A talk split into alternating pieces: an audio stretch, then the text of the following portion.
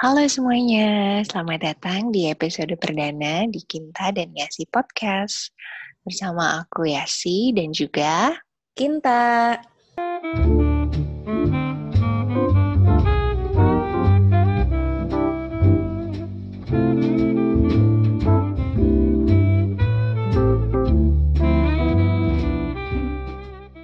Ada obrolan yang ini sering banget ya ditanyakan Hmm. terutama bagi orang-orang yang usianya mungkin 20-an atau 25 tahun ke atas di Indonesia.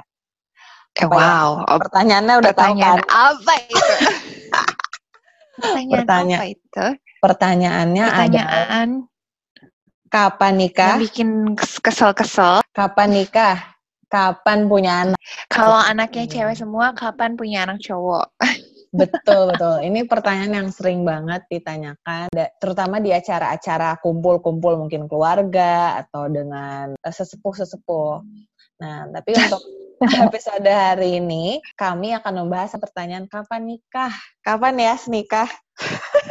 Aduh, kapan nikah? Biasanya kalau aku kalau em, ini udah sediain beberapa jawaban sih. Oh gitu, apa aja tuh perjawabannya? Antara kalau misalkan eh, biar cepet, paling standarnya adalah ya doain aja ya gitu. Tapi Mm-mm. biasanya ini mungkin eh, mungkin bisa dicoba juga kali ya buat teman-teman semuanya. Siapa tahu juga manjur juga. Eh, biasanya kalau aku ditanyain sama orang yang udah na- pernah nanya juga dulu-dulunya, Mm-mm. biasanya habis itu aku jawabnya eh iya gimana ya tante atau misalkan iya om eh, boleh dong misalkan tante sama om punya ada yang bisa dikenalin sama aku gitu biar aku cepetan nikah juga gitu biasanya aku jawab kayak gitu dan Uh-uh. biasanya setelah itu mereka udah gak pernah nanya-nanya lagi mungkin takut aku tagih kali atau Iya. sering juga sebenarnya aku sering dengar eh, orang-orang jawab kalau ditanya kapan nikah, terus jawabannya ya kalau nggak hari Sabtu ya hari Minggu. Iya, iya, Ya iya. benar juga sih sebenarnya. ya. Itu Benar juga, juga, benar sih. juga. Sebelum pandemi ya, sebelum pandemi. Sekarang iya. kayaknya sama aja ya, mau nikah hari biasa juga sama aja karena yang datang mungkin sedikit ya. Benar. Kalau kamu gimana, Kin? Aku juga jawabannya kurang lebih sama sih kayak kamu, kecuali jawaban hari Sabtu atau Minggu itu belum pernah aku coba. Eh, emang seberapa banyak sih ya yang nanya ke kamu gitu, kapan nikah lagi? Sebenarnya sih kalau untuk kasus aku sendiri nggak terlalu banyak orang yang eh, nggak terlalu banyak orang yang nanya nanya lagi. Cuma kadang adalah satu dua yang em, ayo dong masih muda loh gitu masa nggak nggak eh, cari pasangan lagi gitu atau kadang misalkan eh, kasihan loh nanti eh, anaknya sendirian kan seru kalau ada adiknya kayak gitu-gitu sih Kalau menurut kamu gimana? Ada deadline-nya nggak sih untuk nikah kan? Karena nikah itu kan deadline yang tiap individu yang menentukan, oh mungkin Mhm. di umur segini aku harus eh, nikah. Kalau menurut kamu gimana? Aku sih lebih ke santai aja ke santai aja sih sekarang. Nggak terlalu nggak terlalu musingin kapan atau gimana. Ber- kalau berandai-andai sih pak kalau ditanya pengen sih pasti pengen ya. Cuma nggak terlalu yang harus buru-buru gimana banget gitu. Kalau aku merasa eh, untuk pernikahan itu nggak ada sih batasan batasan umur harus segini karena misalkan udah memasuki 21 22 terus harus buru-buru buru-buru Hmm. cari calon gitu kan karena Hmm. kan setiap orang eh, beda-beda gitu ada yang ada yang dia masih dia 20-an tapi mungkin merasa udah siap tapi ada Hmm. juga yang udah usianya jauh di atas tapi juga secara mental ataupun finansial belum siap uh, buat menikah gitu. Waktu itu aku baru menginjak 21 tahun. Jadi pas lagi nyusun skripsi aku udah menikah pada saat itu. Wow. Ya, um, yeah, I was really young at that time. Uh, tapi ternyata pernikahan kami gagal dan akhirnya berpisah di tahun 2015. Tuh. Mm-mm. Jadi uh, semenjak dari saat itu sih aku banyak belajar sih uh, mengenai hubungan sama pasangan dan pernikahan itu sendiri gitu. Mm -hmm.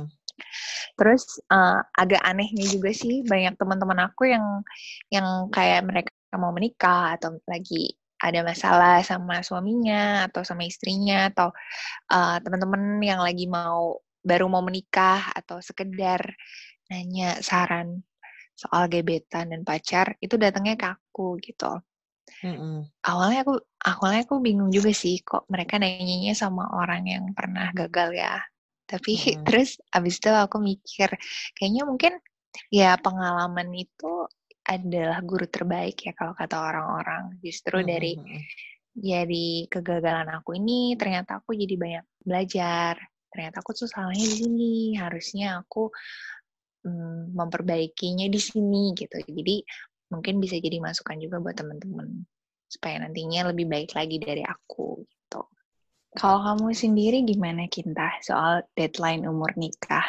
Mm -mm aku rasa juga emang tepat ya kalau banyak orang tuh curhat sama kamu ya karena kamu handle perpisahan kamu tuh dengan baik gitu. Dan uh, aku juga percaya ya kalau uh, setiap orang tuh punya timeline masing-masing gitu. Tuhan udah kasih ini loh hmm. waktunya gitu karena uh, dulu tuh aku kepikiran mau nikah tuh umur 21 22 lah 22 ya waktu itu kamu nikah hmm. terus ada sahabatku yang lain nikah jadi aku ngerasa kayak wow kayaknya seru nih ya uh, nikah muda gitu tapi ternyata uh-huh. belum kan dan pasti uh-huh. ada ya masa-masa di mana uh, eh, berpikir dan mempertanyakan gitu kayak kenapa ya gitu kok belum belum ketemu aja yang cocok gitu cuma semakin ke sini juga aku banyak belajar ya bahwa oh ternyata aku dihadirkan orang-orang yang belum pas dalam kehidupan aku ini juga seperti kayak training gitu. Karena ada salah satu teman aku juga yang udah merit gitu ya cerita soal permasalahan rumah tangganya yang cukup pelik menurut aku. Dan terus aku ngasih saran ya begini-begini dan temen aku kaget gitu kok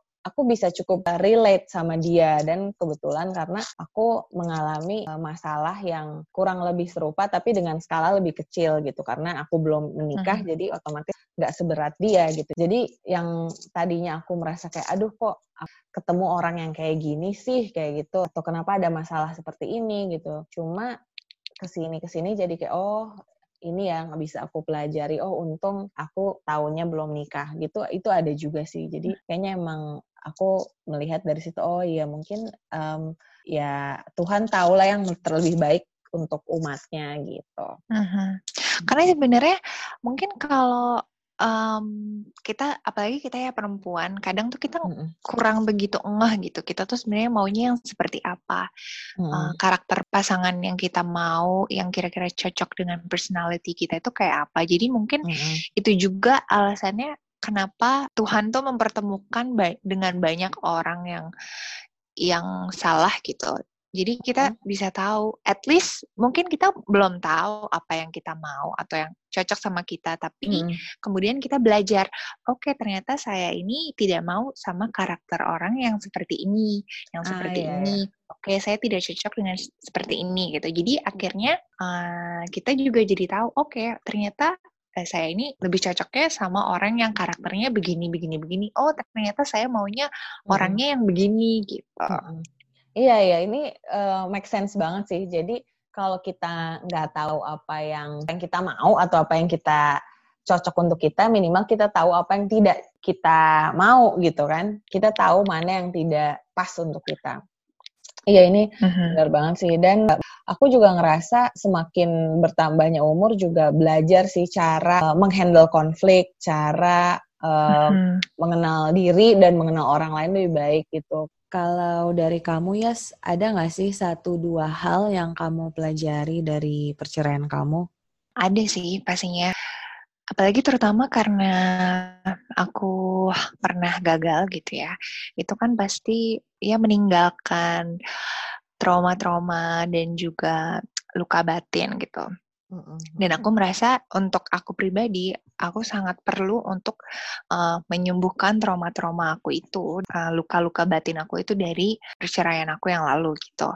Mm-hmm. Sebelum aku akhirnya berhubungan uh, dengan seseorang, apalagi berhubungan serius dan ke jenjang pernikahan. Mm-hmm. Karena aku rasa kalau misalkan aku belum selesai sama diri aku sendiri, aku masih mm-hmm. ada misalkan merasa sakit hati sama mantan pasangan aku atau sama apa pun itu yang kejadian di masa lalu, mm-hmm.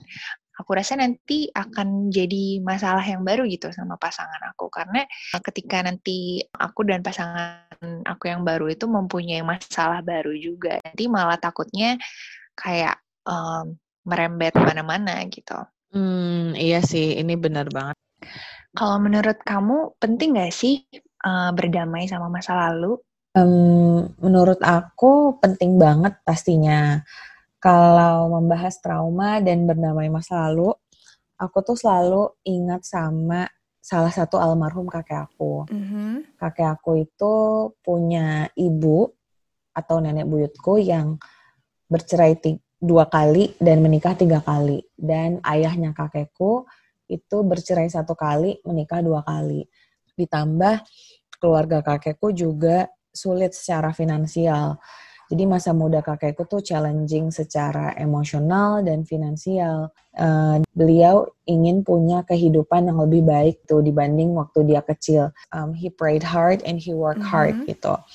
Jadi, beliau tuh selalu berusaha membina hubungan yang dekat gitu dengan saudara-saudara kandungnya, saudara kandung satu ayah dan saudara kandung satu ibu karena uh, kakekku itu anak tunggal dan beliau juga sangat berkomitmen terhadap keluarga intinya yaitu nenekku dan anak-anaknya ya ibuku dan adik-adiknya ibuku. Nah biasanya kan zaman dulu ayah itu nggak terlalu dekat ya sama anak-anaknya karena sibuk kerja, kaku hubungannya mm -hmm. dan mm-hmm. komunikasinya cenderung satu arah. Tapi kakekku tuh sama anak-anaknya sangat dekat. Dan kakekku juga sangat suportif terhadap mimpi-mimpi nenekku gitu. Misalkan nenekku tuh waktu itu ingin ikut pertukaran guru ke Jerman ya kakekku sangat mendukung. Padahal mereka itu tinggal di Desa Cikoneng, Kabupaten Ciamis, Jawa Barat. Jadi sebenarnya di kampung gitu, tapi kakekku tuh mendukung uh, nenekku untuk memiliki impian yang besar kakekku juga kebetulan aktif mm-hmm. uh, di komunitas tempat tinggal beliau. Dan dari kisah kakekku itu, aku belajar kalau seseorang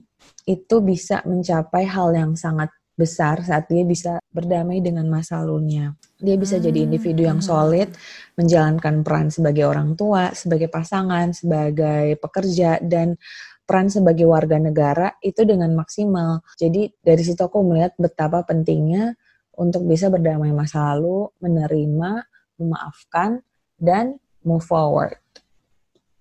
Kalau buat kamu ya, yes, gimana sih caranya kamu healing atau sembuh dari trauma batin dan peristiwa pahit? Yang pertama kali harus dilakukan sebenarnya adalah harus dirasain dan diresapi. Kadang kita kalau misalkan merasakan sesuatu emosi yang negatif gitu ya, nggak usah mengalami peristiwa yang traumatik kayak perceraian gitu. Mm -hmm. uh, merasakan emosi negatif aja. Mm -hmm. Misalkan kita sedih, misalkan kita kecewa, mm -hmm. marah gitu. Biasanya yeah. kan kita sering buru-buru langsung lari dari perasaan itu. Entah mm. misalkan kan buru-buru langsung apa nonton film Korea gitu berjam-jam Oh, biar iya, iya. lupa sama sedihnya atau uh -uh. shopping gitu kan. Uh -uh. Nah sebenarnya hal yang pertama perlu dilakukan itu adalah uh, spend time with yourself uh -uh. To really identify what you're feeling at uh -uh. that time. Uh -uh. Jadi benar-benar koneksi sama diri kita sendiri. Kira-kira aku nih sedang sedang merasakan apa pada saat ini. Oh, hmm. Oh oke, okay. ternyata aku sedang sedih uh Ternyata sedang marah, aku sedang kecewa. uh Uh, ya setelah itu, setelah aku udah mengerti gitu, aku merasakan itu semua, lalu aku terima keadaan itu. Aku terima bahwa oke, okay, pada saat ini aku memang yang sedang tidak baik-baik aja. Aku tidak ya, memaksa diriku sendiri untuk pura-pura kuat. Aku malah um, harus memperbolehkan diriku sendiri memang pada saat ini aku nggak baik-baik aja gitu.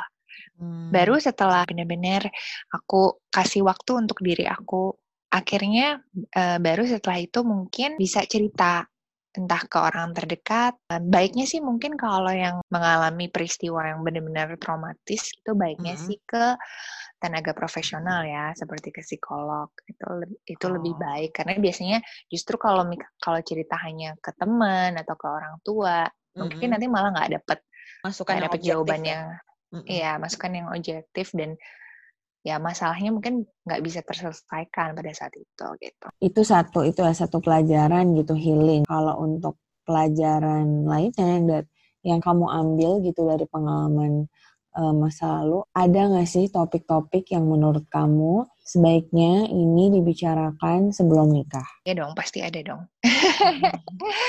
Apa tuh kalau menurut um, kamu? Menurut aku, salah satu yang paling penting dan biasanya topik yang paling dihindari Apa? itu adalah ngomongin soal finansial.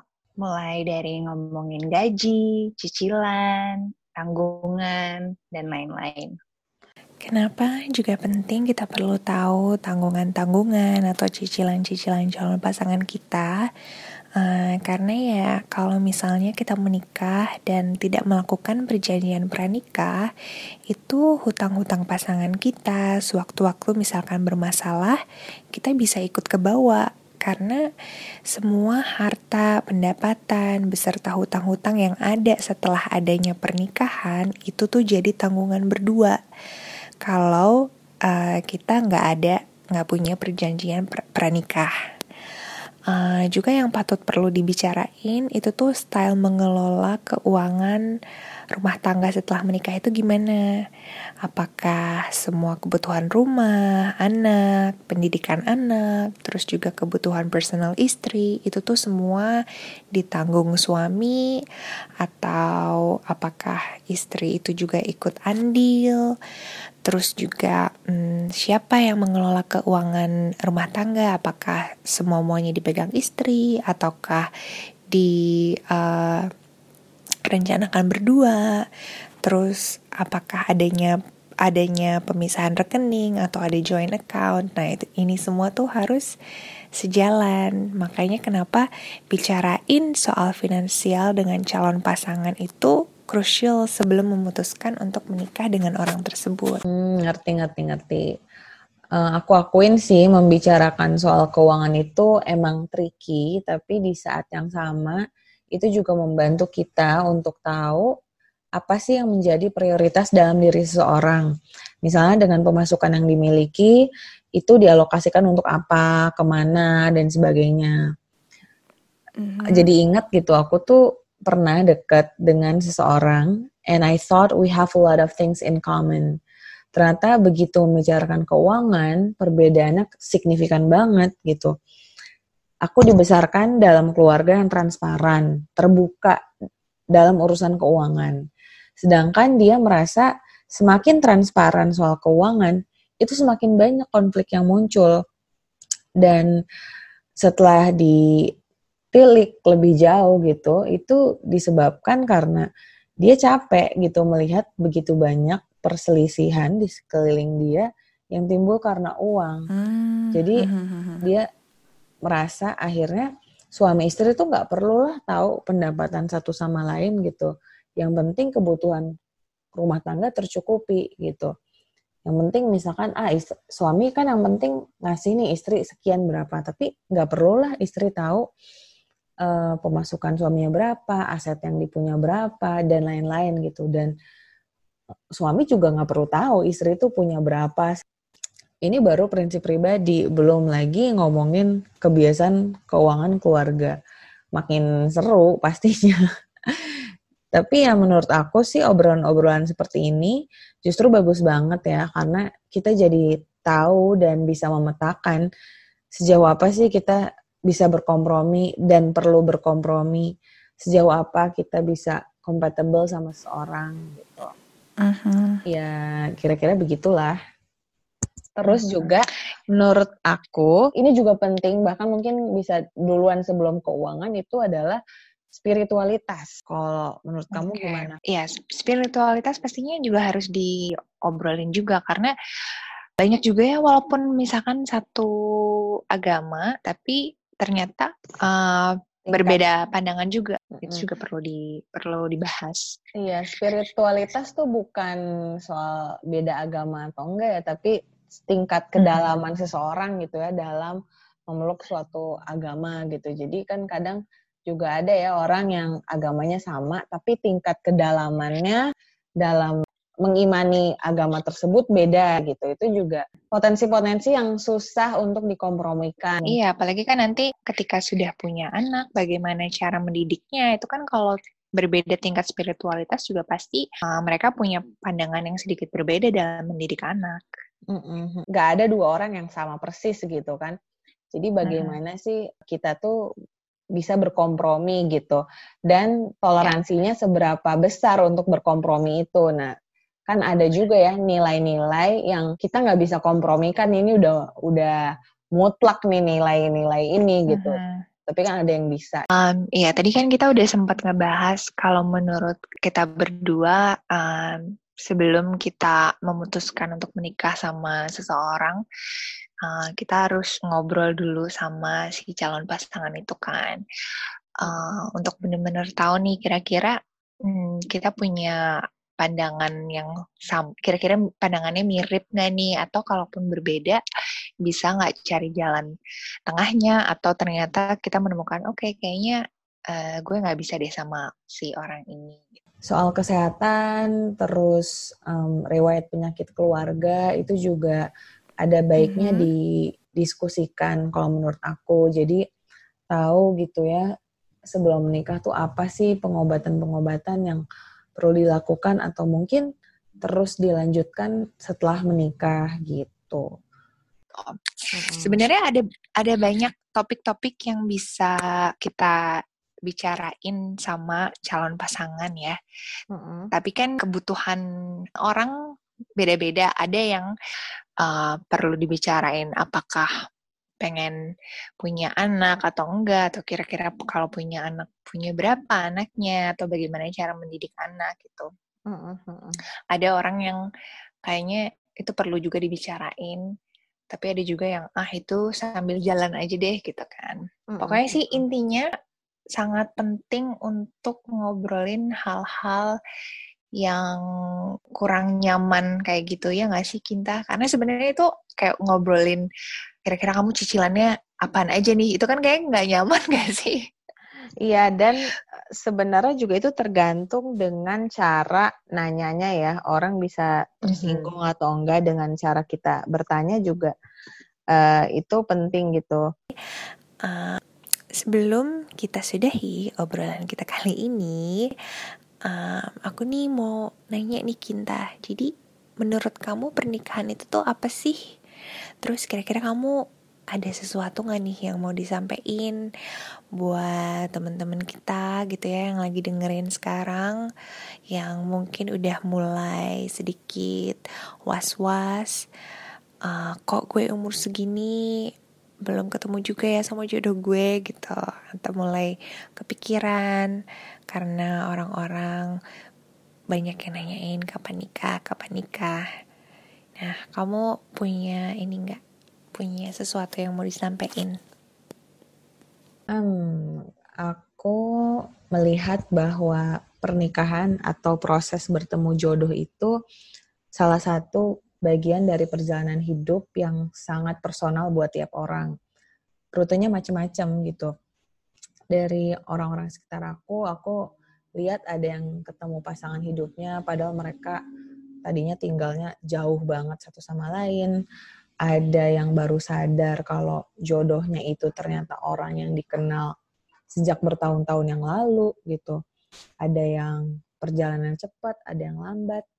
Ada juga yang perjalanan perjalanannya berliku seperti nenek buyutku yang nikah beberapa kali gitu sampai akhirnya ketemu yang cocok. Mungkin sebagian dari kita tuh punya ya target oh maunya nikah di umur sekian, punya anak di umur sekian gitu.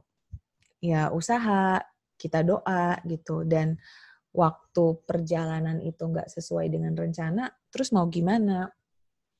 Kalau aku tuh mengibaratkan seperti ini, um, kita punya tujuan mau liburan ke Amerika misalnya, kita udah nabung untuk beli tiket, akomodasi selama di sana, transportasi, terus kita sudah mengajukan cuti kerja jauh-jauh hari. Ya pokoknya kita udah nyiapin gitu ya semua perencanaan yang terbaik menurut kita jadi kita bisa liburan sesuai dengan keinginan kita. Tapi terus ternyata ada musibah gitu. Angka corona semakin tinggi, maskapai penerbangan ganti jadwal melulu gitu ya. Dan tiba-tiba gitu rencana yang sudah kita susun sedemikian rupa ternyata harus berubah. Yang tadinya liburan ke Amerika harusnya punya dampak positif, jadi negatif kalau dilakukan sekarang. Tapi mungkin kalau dilakukan dalam 1-2 tahun lagi, bisa jadi positif gitu dampaknya. Nah, um, kalau udah gitu gitu ya, selama nunggu waktu keberangkatan ke Amerika gitu, kita bisa milih apa mau marah-marah, mau ngeluh-ngeluh terus gitu, atau kita mau sabar, terus mengisi waktu dengan kegiatan-kegiatan seperti belajar bahasa Inggris supaya nanti pas berangkat ke sana udah lebih siap gitu.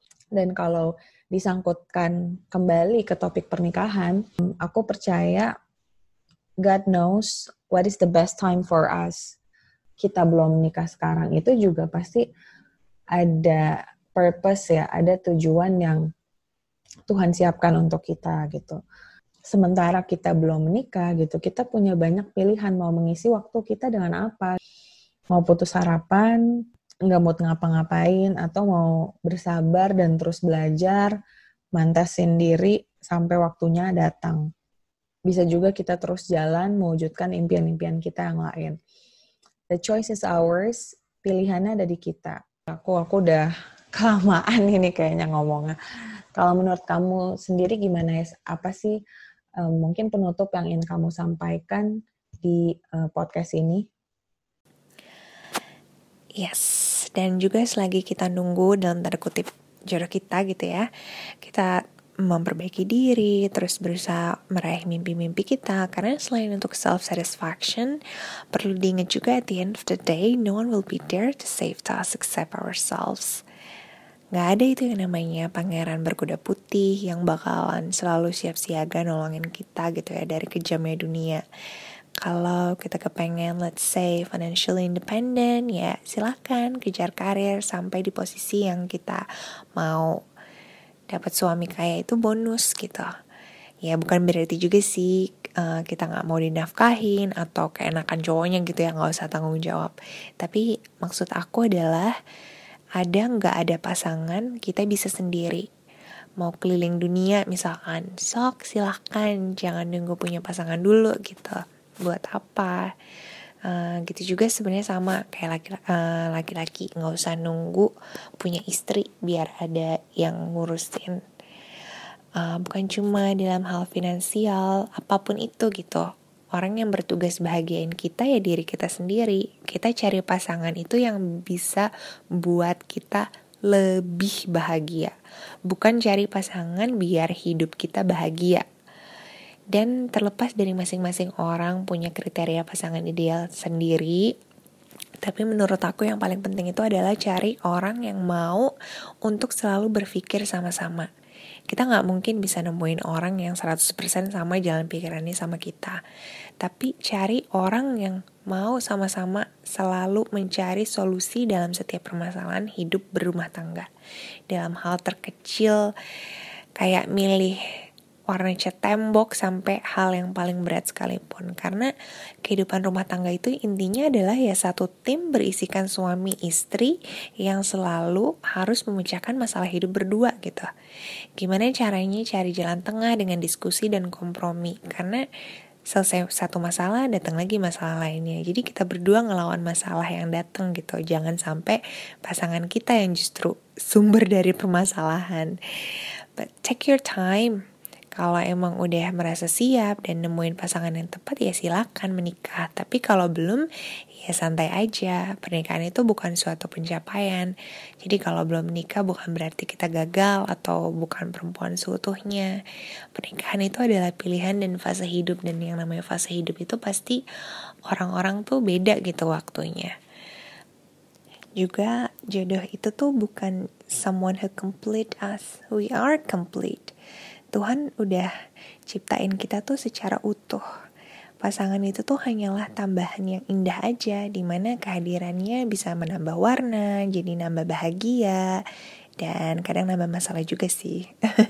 Tapi bukan berarti karena kita masih single, kita jadi nggak bahagia, jadi ngerasa kurang lengkap kita. Kitanya harus bahagia dulu, lalu kemudian kita cari seseorang yang juga sudah bahagia sama dirinya sendiri, Terus kemudian kita berdua saling berbagi kebahagiaan satu sama lain.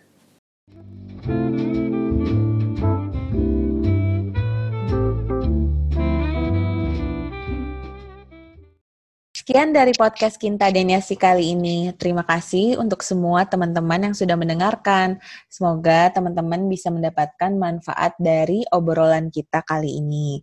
Dan kalau kalian punya komentar atau pertanyaan, bisa dikirimkan lewat Instagram di @riasjulia atau di Twitter @kintaherawan. Um, Oke, okay. this is Yasi. And this is Kinta. We are signing out. We are signing out. Bye. Bye.